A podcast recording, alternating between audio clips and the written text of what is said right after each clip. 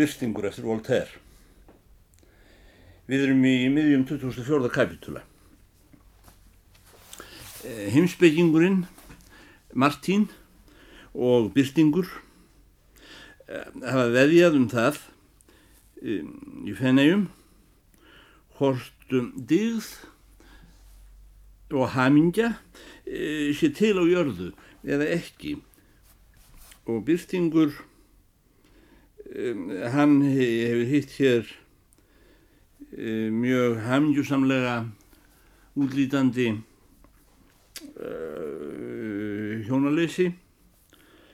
Uh, og uh, konan er gömul vinkona hans frá Tundaden Trong biskupsfibla að nefni og hún er í príðilega hefnuðu tilhugalífi við um, ungan Þeatínamung bróður Lefkói en reynist samt ekki vera hamingsum nýja digðug. Svo byrstingur tapar hálfu veðmólinu hér kemur nú framhald á samtali byrstings við biskupsfiblu bróður Lefkói hafði orðið eftir í borðsalm og drakk að glasa víni meðan hann beði eftir matnum. En þér eru svo fjarska glöð og ánægð að sjá sagði byrstingruði biskupsfiblu þegar ég mætti þú þá voru þér að syngja og gæla þegatínanum svo glaðlega og náttúrlega. Þér lituð út fyrir að vera álíka hamingjusum eins og þér segist vera óhamingjusum. E, biskupsfibla svarar, já, það er enn ein hörmung þessar atvinnugrænar minnar. Liðsfóringi stala mér og barði mig í gær og í dag verð ég að, að látast vera í góðu skapi til að gæðjast munki. E, Byrstingur var nú búin að heyra nóg. Hann viður kendi að Marteinn hefði haft rétt fyrir sér og þeir settust að borðum á samt biskupsfiblu og þegatínanum. E, það var all skemmtileg máltíð og undir lokinn töluðu þau hvertið annað í fullum trúnaði. Æru verið fadir, saði Byrstingur við munkinn. Mér virðist þér síðu öfunnsverður maður sem all leikur í lindi þér ljómið af heilbriði hamingjans skín út úr andlitinu og yður þér hafið þarna bráðurlaglega stúlku yður til dagra styttingar í tómstundum og e, þér vilist vera harð ánægður með stöðu viðar í þegatínareglunni skrattin fjari mér saði bróður Lefkói það vildi ég að allir þegatínar sætu á hafsbótni hundrað sinnum hef ég verið komin á fremsta hlunn að kveika í klaustrinu og taka Múhammed trú. Þegar ég var 15 ára gammal þröngvuðu foreldran mínir mér eh, til að klæðast þessum viðbjóðslega kupli svo að stærri arfur yrði eftir handa helvítinu honum eldra bróður mínum. Klaustrið er heimkynni, afbríðisemi ósamkommalags og geðofsa. Reyndar hef ég haldið nokkrar ómerkilegar predikanir og fengið fyrir það nokkra skildinga en helmingun af því stál príólinn og afganginu með í hvaðan fólk. En þegar ég kem heim til mín í klaustrið á kvöldin langar mér mest til að brjóta á mér hausinn á svefnskála múrnum og sama sinnis eru allir sambræður mínir.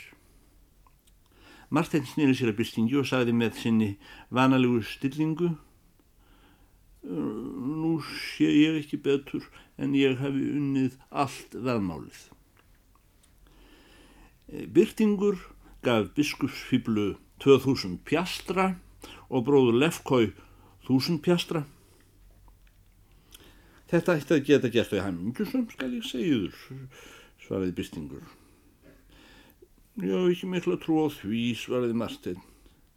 Ef tilvill gerir þér þau með þessum pjöstrum en óhemjusamari en þau voru. Það fer sem má, svaraði byrtingur honum. En í einu er mér hugun.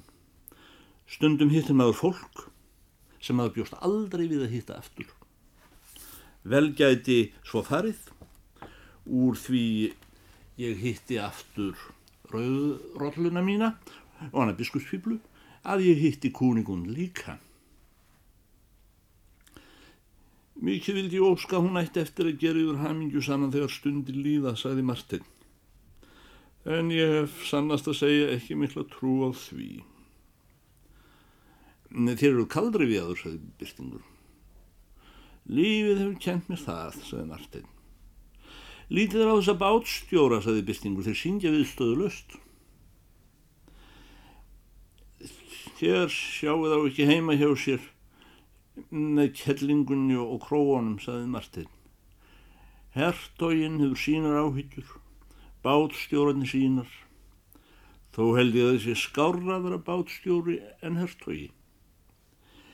En ég held munurinn sé svo smávægilegur að það borgi sig ekki að ræða í hverju hann liggur. Ég hef mikið hyrt látið af lítilsbeðanda öldungaráðsmanni sem á heima í fallegu höllinni á Brentu og er sagður eh, taka vel á móti úrlendingum.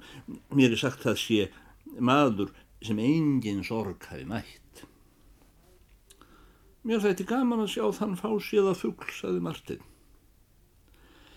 Virtingur let óðar senda Signor lítilsbeðanda orð hvort þeir mættu koma til hans daginn eftir.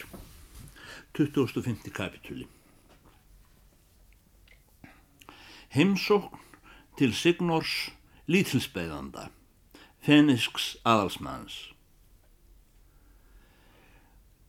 Þeir byrstingur og Martein fóru í báti til Brentu og gengu í höllina til hins göfuga lítilsbeðanda Aldingarðar hans voru viðlendir, skreittir fárum líkneskjum úr marmara, höllin var mikið meistaraverk. Húsbóndin var maður um sextugt, stór velefnum búinn og tók enga kurtislega á móti hinnum forvitnu gestum, þó án þess að gera sér mjög tíkt um þá. Eh, og var það heldur til að setja byrting út af læginu en ekki fyrstist margt hérna því. Fyrst komum tvær laglega stúlkur, vel uppáfærðar, með súkulaði, sem það letu freyða mjög vel. Byrstingur gæti ekki orðabundist um fegur þeirra, indisþokka og myndarskap. Þetta eru bestu grei, saði lítilsbeðandi öldungar ásmaður. Ég læta stundum sofa hjá mér, Því er orðin laungu leiður á þessu kaupstaðar hvem fólki. Kampvísin í því afbríðiseminni, þjarkinu, duttlungunum, smámunaseminni, hrókanum, uppátækjónum og síðast en ekki síst fjórtán línungunum sem aður verður innlegt að vera yrkja eða láta yrkja til þeirra en eh, samt er ég nú orðin há leiður á þessum tveimur líka. Þegar byrstingur gekk um myndasalinn eftir morgunverðin undraðist hann mjög fegur málverkana.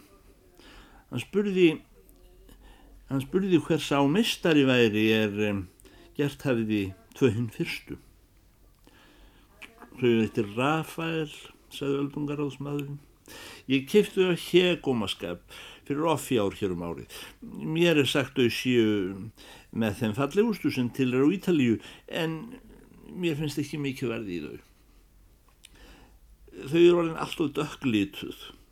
Mannsmyndirnar í þeim er ekki nógu ávalar og, og ekki nógu áþreifanlegar og vegtjöldin er ekki líkn einum dúki í sem styrstum-máli hvað sem hver segir þá sé ég ekki í þeim neina að sanna eftir líkingu á náttúrunni. Ég hef ekki gaman að málverkina en ég finnist ég sjáðar náttúruna sjálfa og þetta er ekki að þvítagi. Ég hef mikið að málverkum en mér dettur ekki huga að líta á þau framar. Neðan lítilsbeðandi var að býða eftir matnum, leta hann halda fyrir sig hljómleik. Í byrtingi fannst það indælt tónlist. en maður getur haft gaman að þessum háfaða í hálf tíma saði lítilsbeðandi en ef að stendur lengur verða allir uppgefnir eh, þó enginn þóri að viðurkenna það Tónlist nú á dögum er ekki fólkin í öðru en leysa erfiðar þrautir og allt sem er erfitt leiðist manni til lengdar.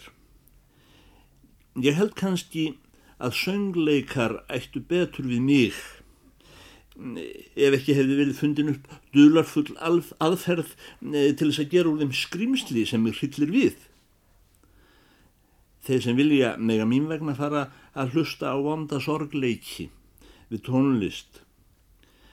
Eh, það sem leiksviðin miðast öll við, eh, tvo eða þrjá hlægilega söngva sem koma eins og skrattin úr sögðarlegnum og eru til þess gerðir að láta sjást upp í gynið á einhverju söngkonu. Það er svo sem öngum og gott að dýrðast yfir því að sjá einhvern gelding kjaga um leiksviðið og gaula hlutverk Cæsars eða Katons. Ég fyrir mitt leiti er löngulegur á þessari eimd sem hefur skapað orðstýr Ítalíu nú á dögum og konungar gjalda við háverði. Byrtingur maldaði örn í móin, uh, þó með nærgetni. Marteinn var alveg á samamáli og öldungar áðsmaðurinn. Síðan var sesta borðum. Og að loknum miðdegisverði var færðin í bókasafnið.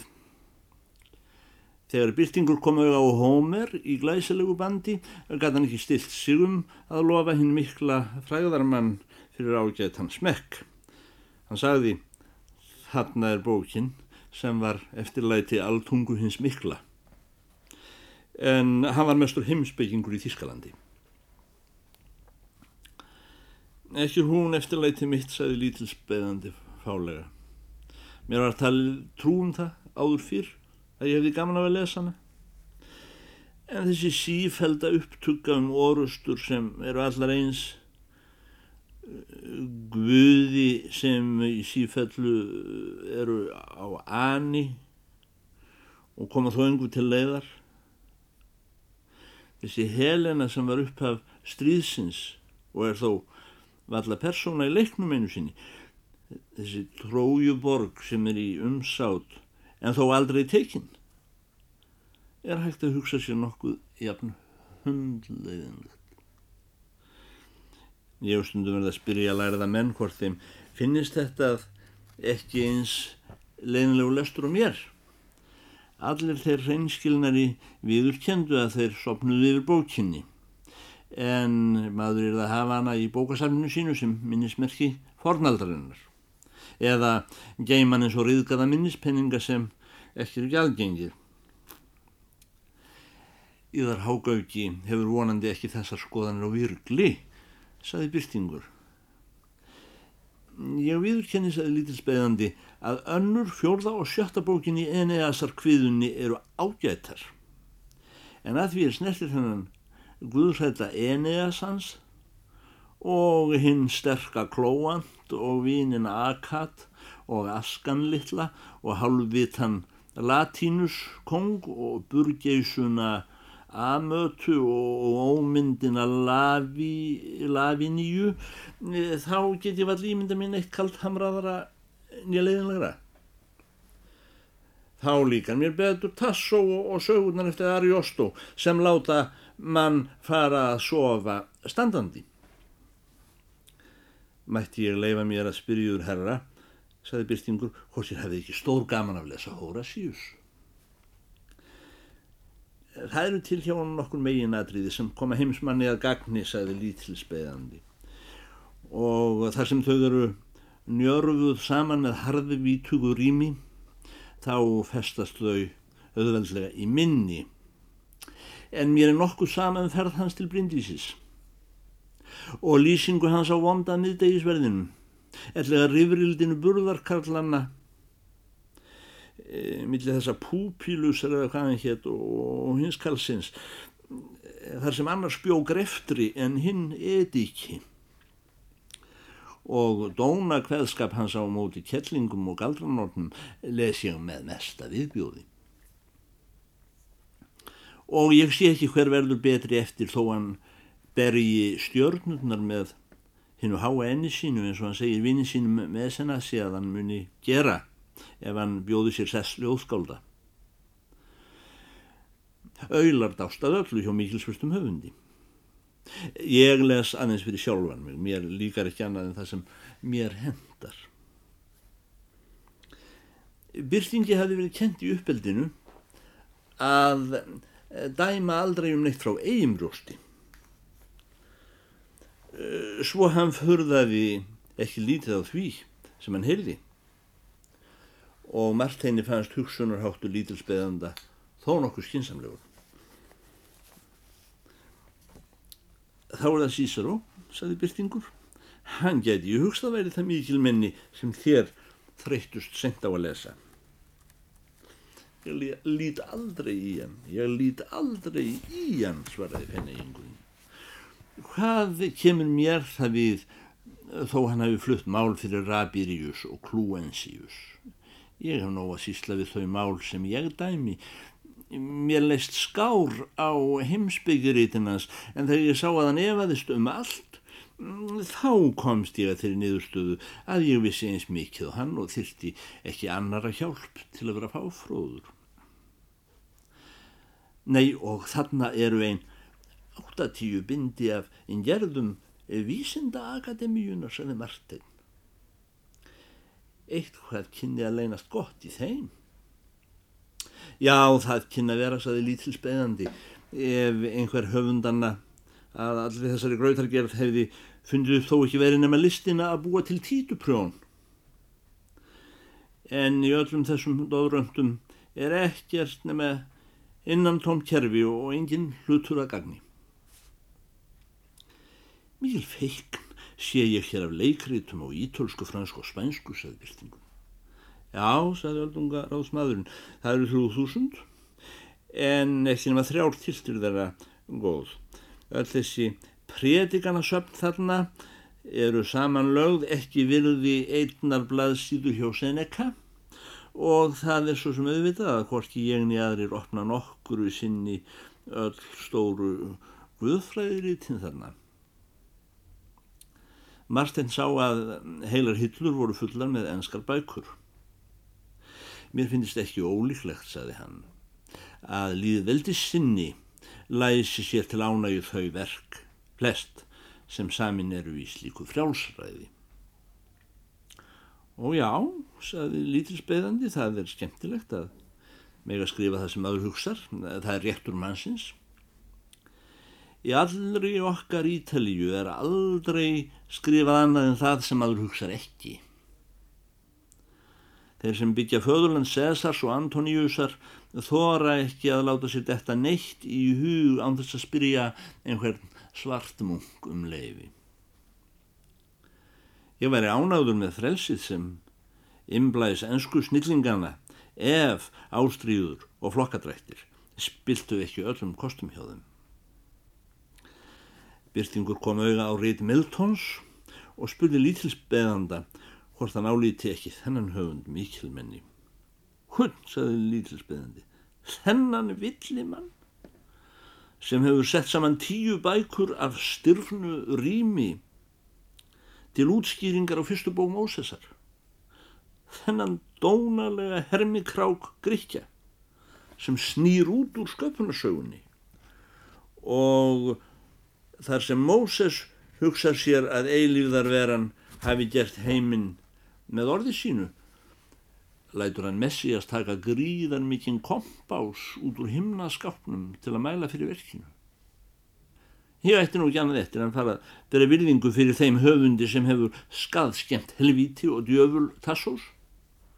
Dölbýr Lúsífer í mist sem pöttu ellegar einhvers konar afturrétting. Lætur hann stagast á sömu orðunum hundrað sinnum lætur hann disputera um guðfræði og stælir í alvöru skotvopna skrýtluna hjá Ari Jóstó þannig að hann lætur púk hann að fara að skjóta úr fallbissum í himnaríki. Hvorki ég en okkur annar maður í Ítalíu hefur getað haft ánægi af svo um fáránleik. hjónaband syndarinnar og dauðans og, og, og höggormarnir sem syndin fæðir af sér. Þetta hlýtur að valda spíu hjá hverjum manni sem eru viðkvæmað smekk. Og það getur enginn nema gravarar haft ánægju af þessari laungu sjúkrahúslýsingu hans. Þetta milskna, skringilega og viðbjóðslega kvæði vakti fyrirlitningu manna strax þegar það kom fram.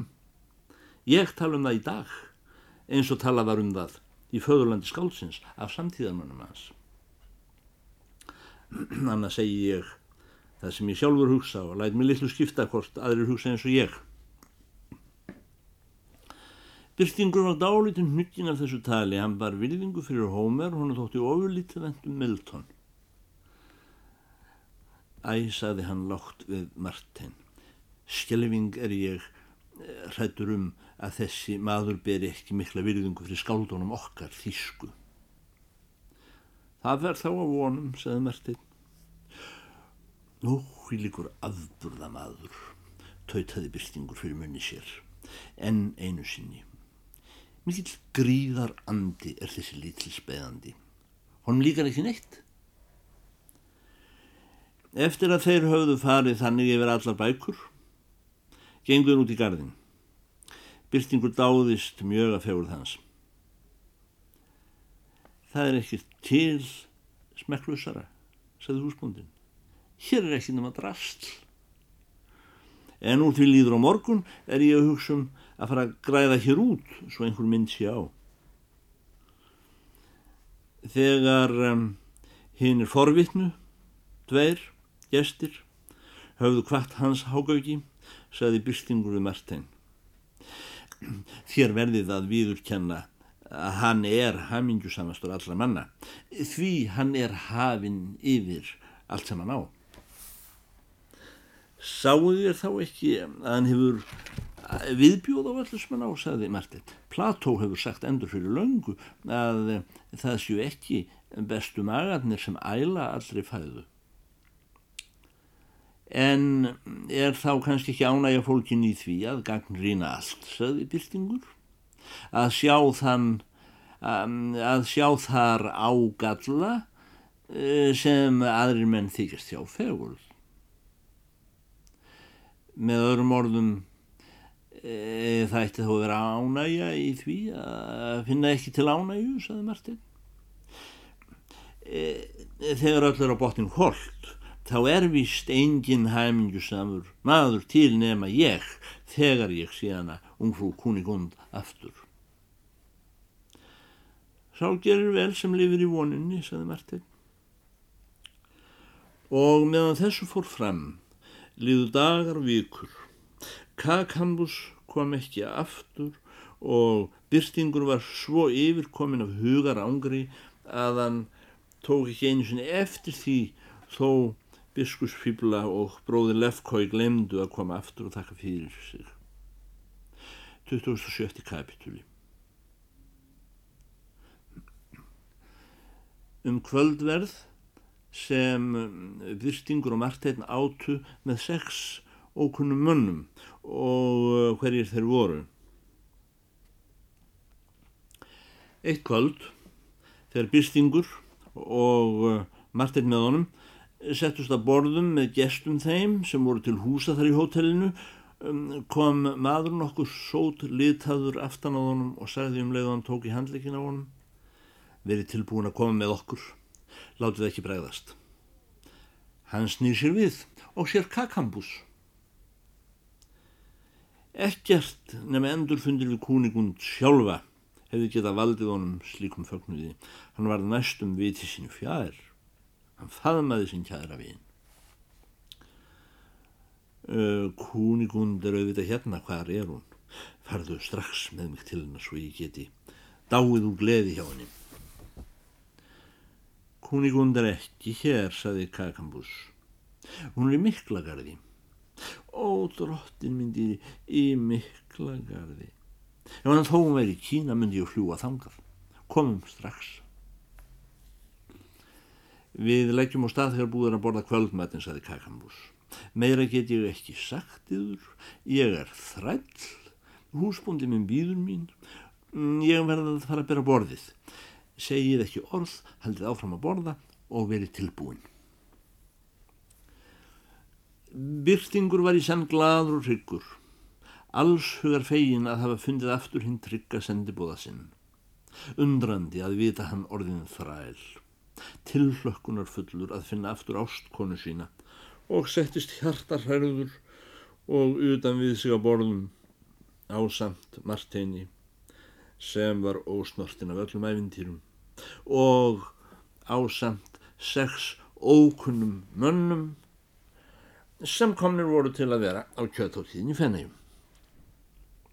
Kakambus sem heldi í staupið hjá einum þessara ókunnu manna hallaði sér að eiranu á húsbúnda sínum þegar leiða máltíða lokum og sagði við hann Íðar hátign leggur á stað þegar hann þoknast. Skipið er tilbúið. Er hann hefði þetta sagt þessi orð, þá gekk hann burt. Borðurnautarnir lítu undrandi hver á annan án þess að mæla orð þegar annar þjótt nálgæðist sinn húsbonda og saði við hann Pústvagnin í þar hátirnar er í Padua og báturinn er tilbúin. Húsbondin gaf þjóni sínu merki og hann fór. Borðurnautarnir lítu enn hver á annan og sameinlegu undrun þeirra jógst enn. Þriðji skósveitn gekk að þriðja útlendingnum og sagði hann ég er hátinnur átt að trúa því að um, uh, hann hefur ekki tíma til að standa lengur við og ég skal hafa allt til reyðu. Síðan fór hann út. Byrtingur og Marteinn tóktust fullvissur um að hér væri um einn grímuleik kjötháttíðan að ræða. Fjórið þjóttnin sagði við fjórða herra Íðar hátign leggur á stað þegar vill. Síðan fór hann sömulegðu hinnir. Fymti skósvein sagði þið sama við fymta herra, en sjötti skósvein meldi öðruvísi við sjötta útlendingin sem satt við hliðin á byrtingi. Hann sagði, áminn sann, íðar hátign hefur ekki lengur lánströst hér og ég ekki heldur. Það er ekkert líklara en við verðum settir í skuldafangelsi strax í nótt. Ég fer til að sinna um mínar eiginsakir, verið sælir. Eftir að þjónarnir voru allir á bakum burt, sátu útlendingarnir eftir, ásamt byrtingi og marteini í djúprið þögn. Það var byrtingur sem hvað upp úr að lokum. Mínir herrar, saði hann, þetta er einkjænlegt grín. Hvers vegna eru þið allir konungar? Hvað mjög snertir þá viðurkenni ég að horfur okkar Martins er konungur. Húsbóndi Kakambúsar tók hátíðlega til orða og mælti á ítölsku. Mér er ekki hlátur í hug. Ég heiti Ahmed Þriðigi. Ég hef verið soldán í mörg ár. Ég stipti bróður mínum á stóli, bróðursónur minn hefur stipt mér af stóli. Það er búið að skera vesýrana mína á háls. Ég eiði æfi minni í gamla kvennabúrinu. Frændi minn Mamút Soldán leifir mér stundum að ferðast svo lítið mér til helsubótar og ég fór til fenega til að vera á kjöt á tíðinni. Ungur maður sem satt næstur Ahmed tók til máls á eftir honum og sagði Ég heiti Ívan, ég var keisar yfir öll rúsaveldi. Mér var stefnt á stóli þegar ég var í vöggu. Fadir minn og móður sitt í diblissu. Ég var með minn brott úr fangilsinu. Ég fæ stundum að ferðast í fylg varðmanna minna og ég fór til fenega til að vera á kjötháttíðinni. Hinn þriði meldi. Ég er Karl í átvarður englandskonungur. Faðinn minn afsaliði sér konungdómi til mín. Ég barist til að halda honum. Hjartað hefur verið slitið úr 800 flokksmörnum mínum og þeim gefið utanundir með því. Ég var settur í tukthúsið. Ég er nú á leið til Róm að hitta föður minn sem steppt var af stóli eins og mér og afa mínum og ég fór til Feneja til að vera á kjötháttíðinni. Hinn fjóruði tók til orða og mælti. Ég er konungur Pólverja. Úrslit stríðsins eru þau að all erðalönd mér voru tekin af mér. Þaðinn minn var fyrir samskonar mótlæti. Ég begi mig undir vilja forsjónarinn eins og Ahmed Soldán og Ívan Keisari og Karl Játverður englanskonungur sem ég óska Guð mætti gefa langa lífdaga amen og ég fór til fena ég til að vera kjötthóttíðinni. Hinn fymti saði, ég er líka konungur pólverja. Ég hef tvísvar sinnum eh, mist ríkið en forsjónin hefur gefið mér annar ríki og þar hef ég komið meira góðu til leiðar en allir sarma tíu konungar samanlegður hafi gert á bökkum við stúlu. Ég begi mig einnig undir vilja forsjónarinnar og ég fór til Fenæja til að vera kjött á tíðinni. Nú höfðu allir tekið til máls nema sjötti einvaldurinn. Mínir herrar, sagði hann. Ég er ekki annar en stórhöfðingi og þið en ég hef þó verið kongur eins og hínir. Ég er Theodor. Ég var kosin kongur á Korsíku. Ég var kallaður yðar hátign, en nú leifir ekki af að ég sé kallað Monsir. Ég let slá mynd, en nú hef ég ekki túskilding með gati. Ég hafði tvo ráð þeirra, nú hef ég alla skósvein. Svo var tíð ég satt í hásæti. Nú er ég lengi búin að sofa á hálmi í tukthúsinu í London. Ég er hálfrættur um það verði farið eins með mig hér þó ég hafi komið til feni eins og ég þar hátignir til að vera kjöt á tíðinni. Hinnir konungarnir fimm hlustuð á þess ræðu með göfumannlegum vorkunarsvip. Sér hver þeirra gaf Theodóri konungi 20 gullsekinur til þess að hann geti keft sér utan á sig. Byltingur gaf hann demant sem var 2000 sekina virði. Þá sögðu hinnir fimm konungar. Hver getur sá maður verið sem er þess umkomin að gefa hundra sinnum meira en hver okkur um sig? Og gerir það. Er þér kannski konungur líka minn, herra? Nei, herrar góður og langar ekki til þess. Rétt á eftir var staðið frá borðum og í því barað gardi fjórar hágöfugar tignir sem höfðu einnig mist ríkisitt vegna stýðsins og voru komin til Feneja, voru komin til Feneja að ná í afgangin af kjöðhóttíðinni.